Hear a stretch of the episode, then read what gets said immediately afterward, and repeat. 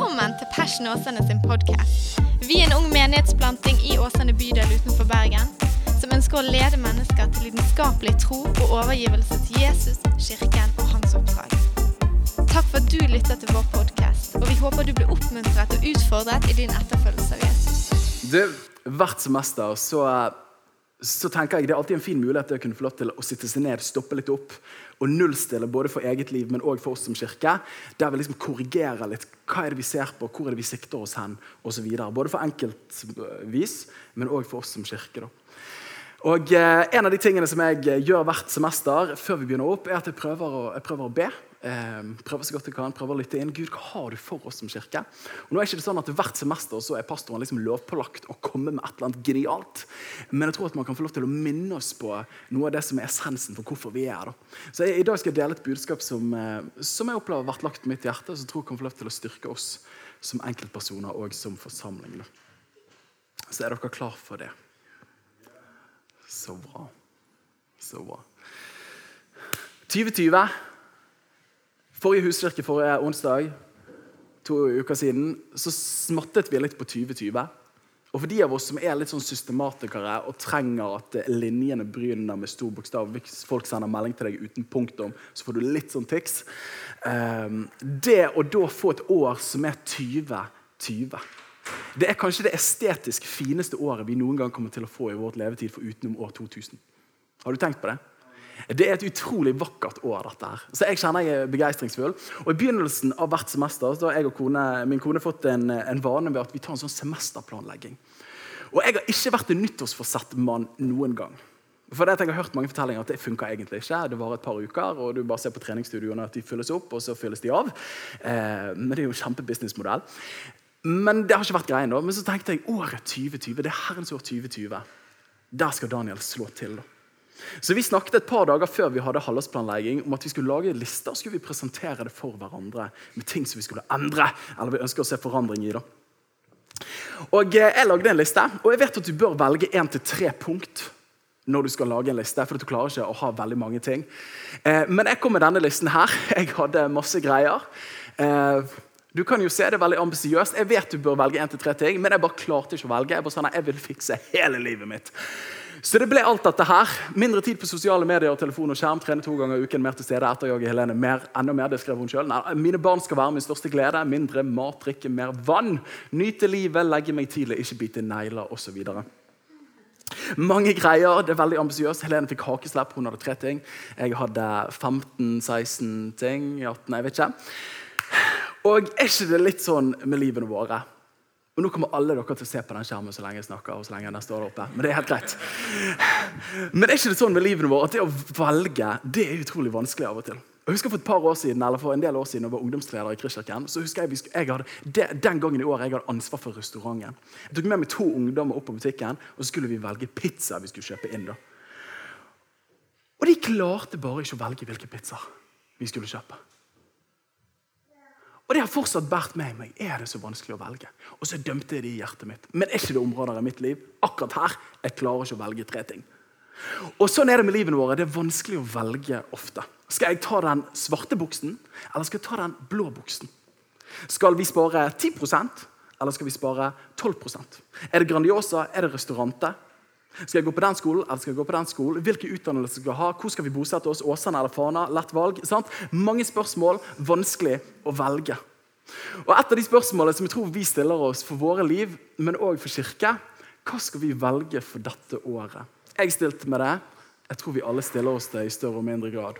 Hva skal vi velge for dette året her? Og Da har jeg lyst til å ta utgangspunkt i en bibeltekst som eh, en litt sånn hjerteskjær bibeltekst som jeg opplever har kommet til meg for det semesteret. her. Og Det er Lukas 10. kapittelet, og Jesus kommer til Martha og Maria. Og Han kommer til Betania, som er rett utenfor Jerusalem. og så leser vi sammen. Der står det så mye som Da de gikk videre, kom han inn i en landsby. Og En kvinne ved navn Martha ønsket ham velkommen i sitt hus. Og Hun hadde en søster som het Maria. Hun satte seg ned ved Jesu føtter og lyttet til hans ord. Men Martha var travelt opptatt med alt tjenestearbeidet. Og Hun gikk da bort og sa, 'Herre, bryr du deg ikke om at min søster har latt meg være alene med å tjene?' 'Si derfor til henne at hun skal hjelpe meg. Og Jesus svarte og sa til henne, Martha, Martha, du er bekymret og urolig for mange ting, men ett er nødvendig. Kan du si ett? Ett. Altså, Det var utrolig usynkront. Kjære tid, folkens. Kom an. Kan vi si ett? Ja, bra! Men ett er nødvendig. Maria har valgt den gode del som ikke skal bli tatt fra henne. Og Nå kan vi egentlig bare si amen, for jeg klarer ikke å si det bedre enn dette. Men vi fortsetter.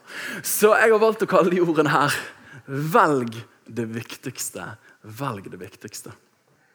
Far, takk for disse øyeblikkene her. Eh, her takk for at det å få lov til å sitte under ditt ord er ingen bare repetitiv øvelse vi gjør, men takk for at det å sitte under ditt ord Takk for at det former oss, takk for at det forvandler oss, takk for at det taler til oss. Um, og ber at vi skal oppleve at du taler til oss friskt gjennom det du en gang har talt gjennom ditt ord, Herre. I ditt gode navn.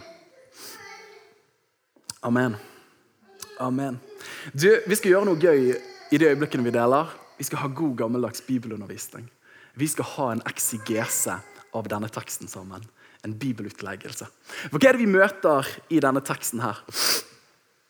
Det første vi møter, er at vi leser da de gikk videre, kom han inn i en landsby, og en kvinne ved navn Martha ønsket ham velkommen i sitt hus. Og Når du leser det verset der, og når vi leser det, og jeg har lest det, så tenker ikke man så veldig mye over det verset der. Men hvis du stopper litt opp og leser litt nærmere, har du tenkt på at det er litt rart at det står en kvinne? ved navn Martha ønsket han velkommen i sitt hus. For dette er jo ganske selvinnlysende at hvis du heter Martha, så er du en kvinne. Men hvis vi tar på oss litt de jødiske brillene og konteksten fra denne tiden her, Grunnen til at det presiseres at det var en kvinne som ønsket ham velkommen, er jo at dette her var veldig motkulturelt å gjøre noe sånt. Hun brøt masse normer bare ved at en kvinne inviterte han inn i sitt hus. Se for deg det at eh, ja, Daniel og en mann kalt Mats skal spille volleyball. Det var sånn, ok, det var smør på flesk, liksom. Men her presiseres det på grunn av at dette her var helt utenkelig. At en kvinne inviterte han inn i sitt hus. For hva var tingen her egentlig? Jo, en kvinne og en mann skulle ikke snakke sammen. Med mindre de hadde ring på fingeren og var gift, eller at det var døtrene, eller det var familie. Men du skulle ikke snakke med en kvinne som ikke var din kone. Det var umoralsk. Men det som skjer her, er at Martha gjør det hun ikke skal gjøre. Det står at hun hørte at han skulle komme. Eller det kommer litt senere. At han skulle komme, Og så inviterer hun han inn i huset sitt. Og Der òg inviterer han inn i sitt hus. Ønsket han velkommen i sitt hus. Og Dette har vi sagt tidligere, men det å invitere mennesker inn i sitt hjem på denne tiden her, det var ikke noe du gjorde med alle sammen. Men de du inviterte inn i ditt hus, var folk som var nære venner av deg, fortrolige med deg. Og det var folk som var på sosiale status, lik linje som du var. Så hun bryter mange normer akkurat her, da, bare ved å invitere Jesus inn i livet sitt og inn i huset sitt. Og I Johannes det fjerde kapittelet, en av de morsomste tekstene der, eller morsomste hendelsene vi finner der, er at når Jesus snakker med kvinnen ved brøden, så møter vi akkurat det samme tankesettet i møte med kvinner. Der står det i Johannes 4. kapittel 27. verset. Så står det at i det samme kom disiplene hans. De hadde gått og kjøpt mat i byen. Så kommer de tilbake og ser at han snakker med denne kvinnen ved brøden. Og de undret seg over at han snakket med en kvinne. Likevel sa ingen 'Hva ønsker du?' eller 'Hvorfor snakker du med henne?' Så han, Hun bryter normene ved det som skjer her. Så dette her er jo ganske sprengstoff i samtiden. Og så tenker jeg ok, Martha bryter noen sosiale normer. Men hvorfor gjør hun det? Jo, hun er mest sannsynlig nysgjerrig. At hun har hørt om Jesus. Ellers er hun kanskje desperat. Og jeg vet fra mitt liv og jeg tror jeg vet fra våre liv, hva er det som gjør at vi av og til bryter sosiale normer? Det er enten hvis vi er desperat, desperasjon, eller så er det en drøy person. Enten lidenskap eller lidelse. I juleferien etter at vi hadde feiret jul, så en av de tingene jeg gledet meg til til butikken åpnet, var at jeg skulle dra på Elkjøp. For da skulle jeg kjøpe meg barbermaskin. For jeg har hatt konfirmasjonsbarbermaskinen min siden 9. klasse, og den begynner å streike. Og Så kom jeg der på Elkjøp og tenkte at nå skal jeg gjøre kuppet mitt. og finner den barbermaskinen jeg har lyst til å ha. Og Så går jeg bort, og jeg og Anna er der sammen. Helene, jeg vet ikke hvor hun var. Men jeg eh, oppdrar hun alene, og vi drar på butikken der. Og Så eh, holder vi på i kassen, det er litt kø, så hun leker litt med noen barberblader innpakket i plastikk bak meg. Og Så kommer jeg fram til kassen, og så, eh, og så er det min tur. og Så legger jeg fram barbermaskinen og så betaler jeg for den. Og så er jeg fokusert på selgeren i det jeg kjøper. Men idet jeg har fått kvitteringen og snur meg, så er ikke Anna der. Og Fram til nå i mitt foreldreskap så har jeg ikke opplevd at ungen min har stukket av. For jeg har oppdratt henne godt. Men det som skjer akkurat her, er at hun er borte. Og så holder du roen litt. Så snur du litt rundt og bare sånn, ok, hvor er du hen? Jeg kan ikke se deg her. Hvor er du? Hvor er du? Hvor er du? Og så ender du opp med å rope ut på Elkjøp. Anna!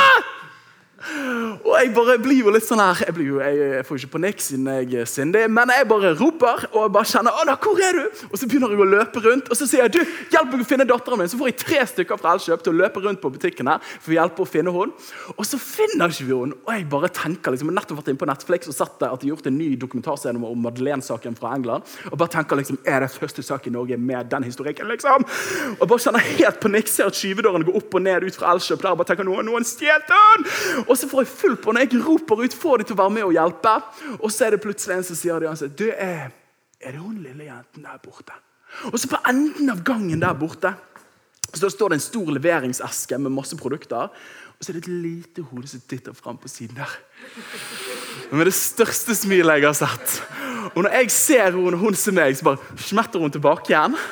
Og gjemmer seg, og idet jeg går bort der og ser bak, så er det største lørdagssmilet jeg har sett i mitt liv.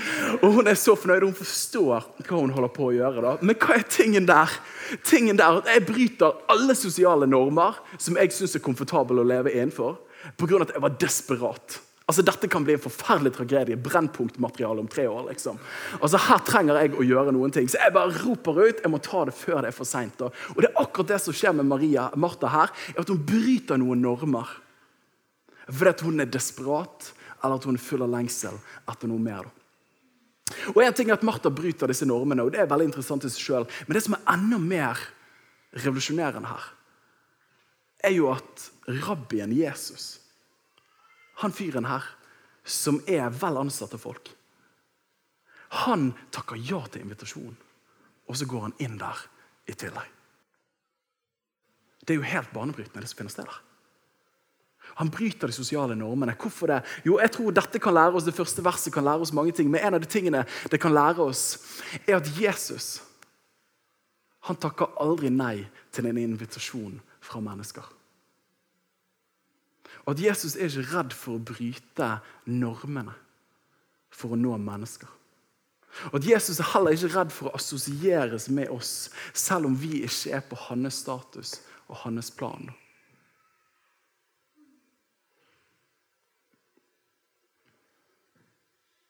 Jesus går inn der han er invitert.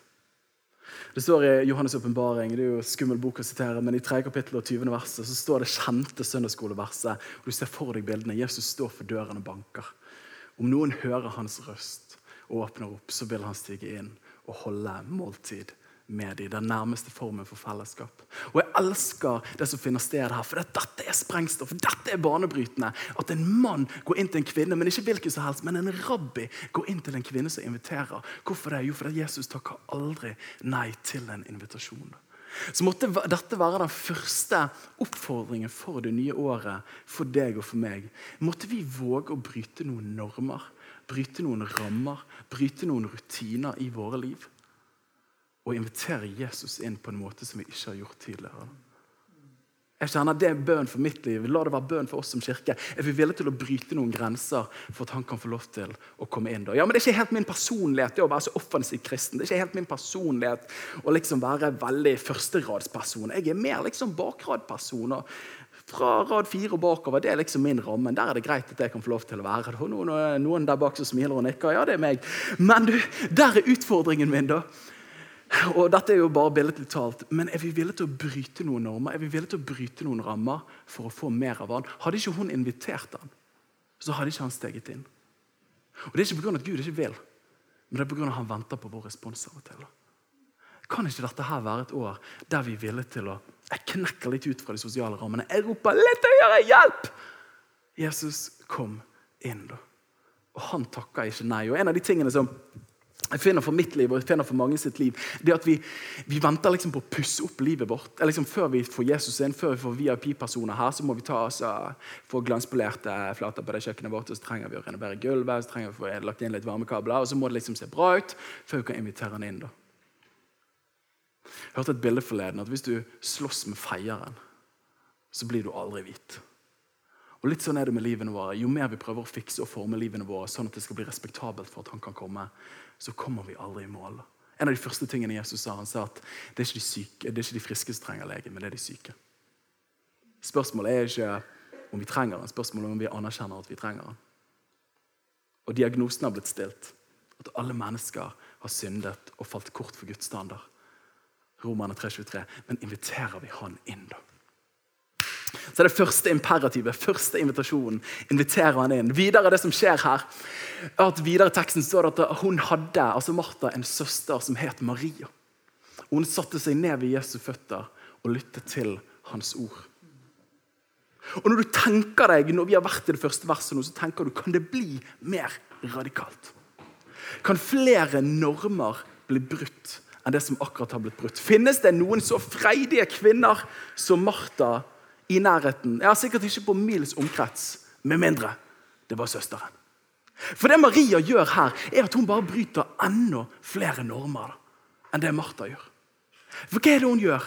Idet Jesus kommer inn med hele entorasjet sitt, og alle folkene liksom, han kommer inn der med frakken sin, setter seg i godstolen Og Martha vet bare min plass it's in the kitchen. Sånn, nok at jeg er litt frilynt og inviterer henne inn i hjemmet mitt, det er ganske heftig i seg sjøl.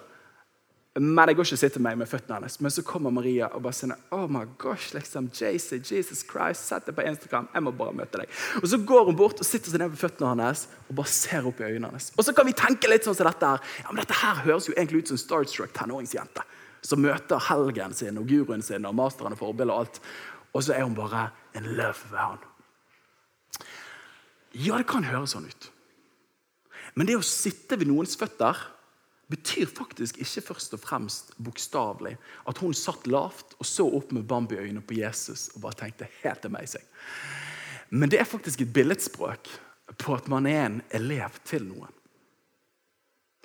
Paulus bruker faktisk akkurat det samme begrepet når han ble stilt i rettssak på slutten av livet sitt i Jerusalem. Vi leser i Apostlenes gjerninger, det 22. kapittelet. Så står det som følger, så sier han, men jeg ble oppfostret i denne byen ved Gamaliels føtter. Og jeg fikk nøye opplæring i fedrenes lov. Hey, hva betyr dette her egentlig for vår tekst? Ok, Martha er en raddis, men Maria hun er jo bare en helt annen greie. Hun har bare tatt det altfor langt videre. Hva skjer her? Hun sitter seg ned ved hans føtter. Ja, Kanskje hun sitter ved føttene og ser opp til ham, men det hun egentlig sier, er at jeg er her for å lære av deg som en disippel. Og I denne kulturen, i denne konteksten her, de som fikk opplæring i loven, de som fikk ta del i det religiøse livet, det var menn. Så skulle en kvinne, en kone eller en datter lære om Gud, så var det gjennom ektemannen, hvis han var snill nok til å dele noen fraser fra synagogen. hvis han husket det. Eller så var det gjennom sønnene sine. Så det hun gjør her, er jo helt skandaløst. Hun sitter seg ved Jesus sine føtter og sier du, jeg melder meg på dette kurset. her. Jeg er en av disiplene, jeg òg. Ok. Empty Wright, favoritteologen til mange av oss. Han skriver sånne teologiske bøker som vi klarer å forstå. Eh, han sier det sånn at, at det som var radikalt med det her også, var at enhver som var en disippel, ga jo også til kjenne at de ønsket å bli en mester en dag. At de selv, alle disiplers mål var å bli som sin læremester, sånn de kunne undervise andre igjen. Ok, Dette er jo enda mer eksplosive saker. Ja, Det er faktisk så eksplosivt at reaksjonen til Martha får vi i det neste verset. her. Men Martha var travelt opptatt med tjenestearbeidet. Hun gikk da bort og sa altså det sier noe om hvor freidig hun var. Altså, Hvis det er noe som får oss å tenne på pluggene, så er det når vi opplever urettferdighet. Bare spør et lite barn. Altså, Jeg tror et av de ordene som går mest hjemme hos oss nå, er min, min, min, min. Ja, det er interessant. Hun sier, og Dette er jo egentlig bare min i litt mer velformulerte fraser. Det er jo det Vi gjør. sant? Vi sier jo ikke 'min'. Vi sier 'jeg syns det hadde vært et bedre perspektiv om du gjorde på denne måten'. her, For det er det jeg vil. Sant? Ok, Herre, bryr du deg ikke om at min søster har latt meg være alene med å tjene? Si derfor til henne at hun skal hjelpe meg. Hun kunne sagt det sjøl. Men bare liksom, ok, nå skal vi sette henne på plass. Hun der, liksom. Det er jeg som er fri. Hun får ikke lov til å være så fri. Og så Anti Wright fortsetter at det som er tingen her, er jo at Martha reagerer på at Maria oppfører seg som en mann. For på denne tiden her, så skulle, Dette høres ut som det er en kvinnetale. Det er ikke en kvinnetale, men det ble veldig mange poeng om det akkurat nå. Men hun går inn et sted i rommet, the public room, stuen, som var forbeholdt mannfolkene. Og når hun sitter seg ved føttene, hun går liksom inn på mennes territorium. Og Martha sier du skal være, det var enten kjøkkenet, ekteskapsværelse eller utenfor der barna lekte. Kvinner fikk lov til å være. Men hun sitter seg inn på mannens område. Og, hun, og Vi har ofte tenkt det at hun var utrolig sliten, at det var så mye å gjøre. Og ja, Det kan være at det er et aspekt ved det, men mest sannsynlig det hun reagerer på, er at hun bryter kodene for hvordan hun skal oppføre seg innenfor huset. Dette er interessant, venner. Og da blir jo det enda mer skandaløse i det hele. Det er jo det som finner sted videre. Det er jo at når Hun bare, hun tenker jeg har en sånn sikker sak, kommer til Jesus bare sånn, Jeg er bare sikker på at nå skal hun søstera mi bli outet en gang for alle. Og så Jesus, vet du. Følger hun ikke på resonnementet hennes. Og han viser heller ikke Maria bort. Er ikke det interessant? Det taler tonn til oss for alle generasjoner etterpå. Hva er det dette her handler om? Jo, Det handler om at på denne tiden her så var det innenfor utenfor. I møte med Guds relasjon, i møte med det religiøse livet, det var noen som var innenfor, det var andre som var utenfor. Du hadde tempelet, du hadde det aller helligste, der det ypperste presten fikk komme en gang i året. Så hadde du det hellige, der prestene fikk lov til å tjene. Så hadde du forgården, og så hadde du den ytre forgården osv. Og, og folk ble segregert etter hvor, i hvilken riktig gruppe de var i. Men det som skjer i dette hjemmet, her er så radikalt, og det har tidløse implikasjoner for oss som følger Jesus for all ettertid. For vi har en egen evne til å stemple noen som er utenfor, og også noen som er innenfor. At det er noen som passer inn her, men andre passer ikke inn her. Og Vi gjør det fort med mennesker på utsiden, og vi gjør det fort med mennesker innenfor kirken. Og her, her vi, stiller vi alle i samme boks. Altså. Og så kanskje den som er mest smertefull av de alle. Vi gjør det fort med oss sjøl òg. Jeg passer ikke helt inn her. Jeg har ikke helt rett til å komme helt fram der. Ja, Jeg er fra fjerde rad og bakover. Jeg har ikke lov til å være så pågående. Ja, Min fortelling tillater ikke meg å være en av de som er mest ivrig. Ja, men Fram til nå i livet mitt har det sett sånn ut, så jeg kan jo ikke bare endre at det kan se sånn ut. Og jeg vet for min egen del, og jeg tror mange av oss har det, at vi tenker når du tenker liksom, hvordan ser en kristen ut, så har vi et eller annet ideal prototype, og så prøver vi alle å leve opp til det. da. Og så deler vi fort inn i åndelig eller praktisk. Eller ikke åndelig. Så har du teoretisk og litt mer praktisk. Er dere med meg? At vi lager sånne skillelinjer der noen får lov til å komme helt fram, andre får ikke lov til å komme helt fram. Men det Jesus sier i denne teksten her til Martha og Marie, er bare sånn at de skillelinjene finnes ikke lenger. Og Det har vært noe av min bønn innenfor dette året for oss som kirke. Jeg vil virkelig ikke at vi skal leve eller bygge en kirke med litt sånn A- og B-lag. Ja, vi er ulike. Ja, vi fungerer på forskjellig vis. Men når det kommer til Guds relasjon, når det kommer til å uttale oss om Jesus, når det kommer til å kjenne Han og frimodighet i møte med Gud, så vil jeg at det skal være sånn vi stiller på lik linje, alle sammen. For det er Bibelen bare kjempetydelig på. det. Så la oss ikke bygge de linjene, og mer enn alt, la oss ikke definere oss utenfor oss sjøl. La oss ikke definere oss innenfor eller utenfor, men la oss tenke at vi er alle tilhører her. For et par uker siden så var jeg forsynt i en menighet. Og Det var utrolig gøy å være i den forsamlingen. Jeg kommer der, og så var det bønnemøte med eldstebrødrene der. da. Og så tenker jeg, jeg er jo, Vi er jo forholdsvis urbane når vi bor eh, her vi bor. Selv om vi er i utkanten av Bergen. Eh, Men når jeg kom der, så var eldstebrødrene der. Og så bare tenkte jeg, hvordan, er det å være i denne forsamlingen? Aldri vært her før, kjente ikke disse menneskene. Og så kommer jeg inn der, og det er sterilabu. sant? Det er sterilabu, Svære karer. Og det, altså, de var liksom, de, altså, Rent fysisk store, høye, kraftige, godslige typer. da. Og så bare sånn her, Med en gang i mitt hode så bare sånn her, dette var litt annerledes enn sånn jeg tenkte liksom pastorer ser ut nå for tiden med de der trange buksene sine og de der iPadene som de drar med seg overalt. sant? Og det er greit at de skal være sånn. det er greit at jeg er sånn som jeg er. Men det var så utrolig forfriskende. da. Og så tenkte jeg, ja, Hvordan ser dette her ut under gudstjenesten? Jo, sannelig, når gudstjenesten begynte, så tok han store bassen der, tok plass bak pianoet og spilte løs til Herrens ære. vet du.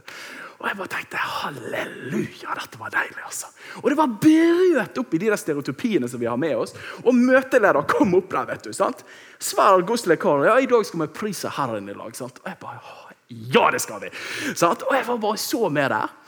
Og så var det noen som hadde noen ord de skulle dele, og da satt han ene eldstebroren på siden. da. Og Han vet du, lyttet inn hva de sa, og delte ut mikrofonen. Og disse guttene her, han ene hadde fullt av olje på hendene sine og under neglene. Jeg tenkte ja, dette er det det handler om, folkens! Ingen utenfor, innenfor. Vi alle er med. Det kan dere få si amen til. For det er akkurat det denne teksten her lærer oss. da. Og det er fort at vi ender opp med at målet er Pga. det teoretiske samfunnet vi lever i, at målet blir liksom å tenke kristent. Og så er det litt sånn ubeleilig at vi fikk en bibel som var en bok. Så er det de som har dysleksi og de som opplever at det er litt sånn kjedelig å lese. og sånt de opplever av og til å komme litt sånn bakpå. Takk og pris for lydbok. i den tiden vi lever i. Hans Nilsen Hauge sine følgere ble kalt lesere. Det liksom ekskluderer i seg sjøl. I hvert fall i teoretisk kunnskapssamfunn så får vi liksom de som elsker å nerde over greske ord. De blir liksom de som eh, får lov til å sitte foran Jesus, mens de andre som elsker å kjøre gravemaskiner og holde på sånn, til å styre på ut i haien, så de blir liksom ikke alltid helt med der. Men det er ikke tilfellet. da. Jeg har faktisk lyst til å si til oss som kirke og merker det for min egen del at, at det er så lett at målet blir å tenke som kristen og være smart. Men målet er alltid å leve som en kristen.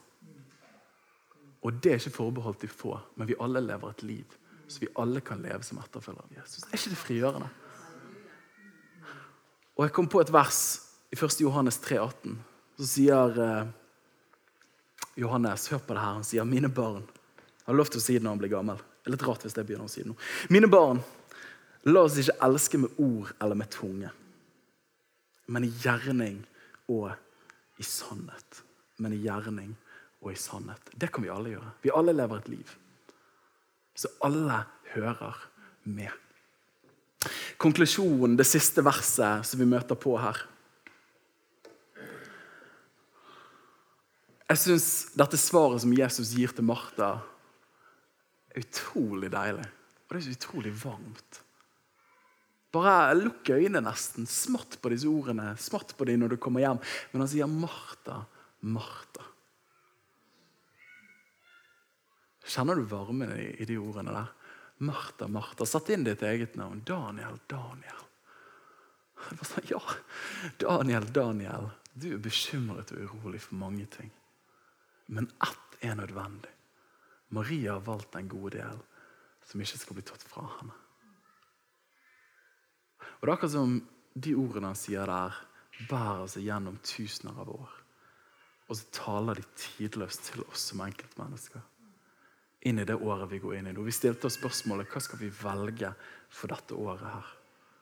Og det som Jesus sier til oss, Daniel, Daniel, Martha, Martha, Dan, Dan, Ine, Ine du er bekymret og urolig for mange ting, men ett er nødvendig. Maria har valgt en god del som ikke skal bli tatt ifra henne. Hva skal vi velge for det året vi går inn i?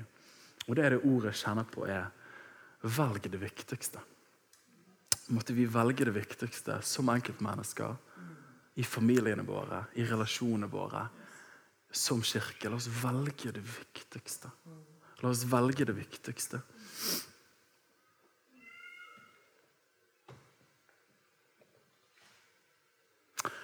For ett er nødvendig.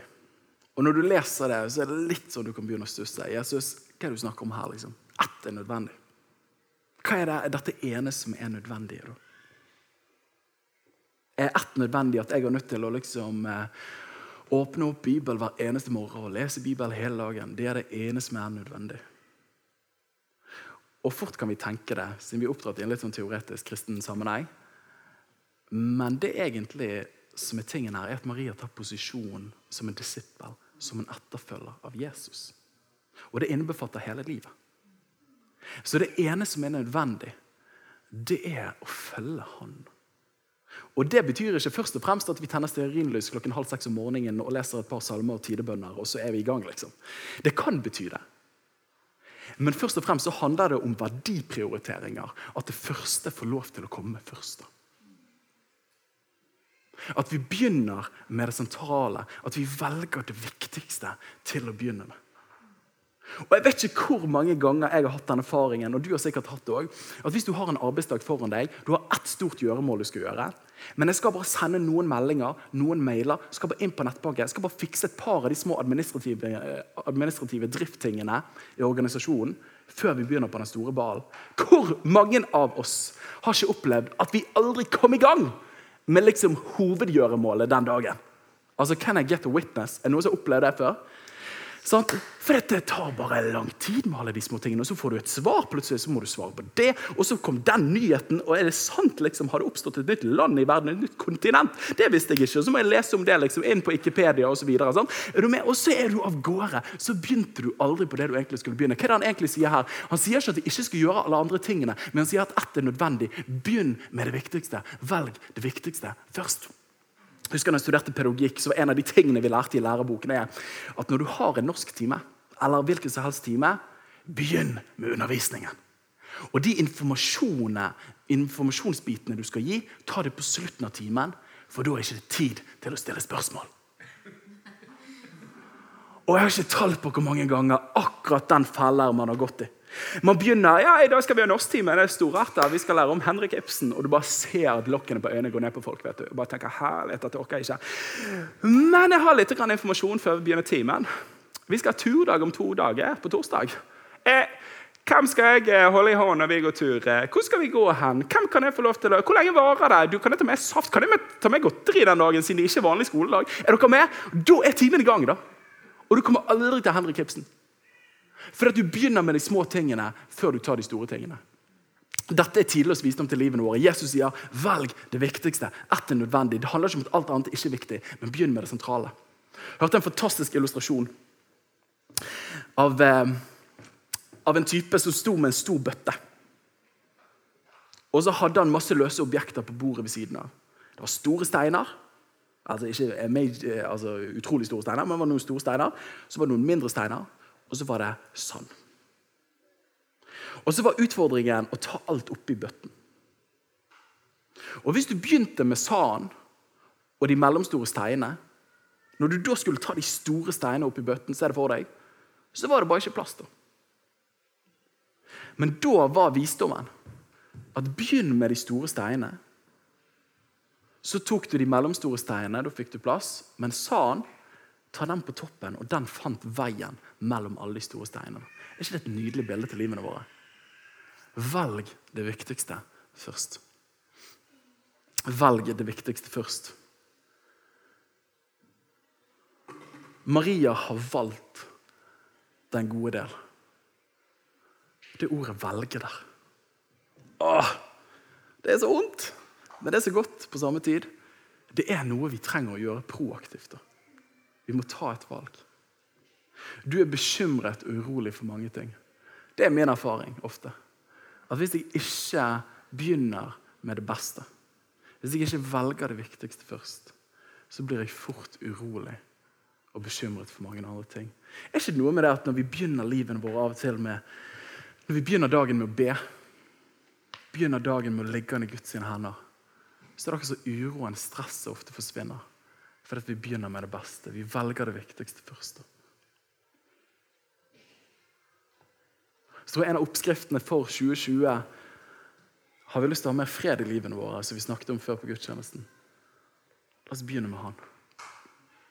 Og valget det ser ut som noen ting. da. Siste året har jeg blitt litt sånn gira på fondssparing.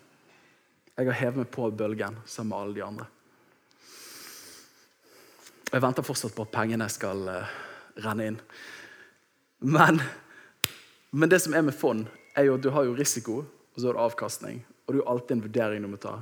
Jo mer du risikerer, jo, mindre, eh, jo mer risiko er det for å tape. Men jo mer risiko og sjanse er det for å vinne òg. Det Jesus sier her, at hun har valgt den gode delen som ikke skal bli tatt fra henne. Tar du på deg økonombriller der? Jesus tilbyr oss noen fete fond å investere i der. I bergpreken så sier Jesus som følger, han sier, Samle dere ikke skatter på jorden, hvor møll og rust ødelegger, og hvor tyver bryter seg inn og stjeler. Men samle dere skatter i himmelen, der verken møll eller rust ødelegger. For hvor deres skatt er, der vil òg deres hjerte være.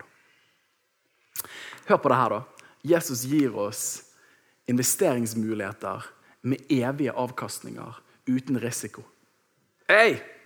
Det er jo helt rått. Det er jo en fantastisk mulighet. Har vi råd til å la være, da? Og mer enn at disse ordene her og hjertesukket for oss er måtte vi velge det viktigste i 2020. Å være en etterfølger av han. Men mer enn at det skal vekke en nederlagsfølelse. Der tidligere fromme forsøk ikke gikk så bra. Så er dette en fantastisk invitasjon mer enn at det er et påbud. Og De fantastiske nyhetene er at før vi velger han, så valgte han oss. Og før vi anser han som den gode del, så anså han oss som den gode del som var verdt å gi livet sitt for. det. Og når han ga seg til oss uten en garanti for at vi ville gi oss tilbake til han, så inviterer han oss til å gi oss til han med en garanti om at det aldri vil bli tatt fra oss. da. Dette er en respons på at han ga seg først til oss. Så måtte vi velge det viktigste, for han anså oss som det viktigste han valgte. Takk for at du lyttet til Passion Åsane sin podkast. Hvis budskapet inspirerte deg, del det gjerne videre, slik at enda flere kan bli styrket av Guds ord. Gud har en plan for ditt liv. Følg Jesus lidenskapelig og bety en forskjell for mennesker i din verden.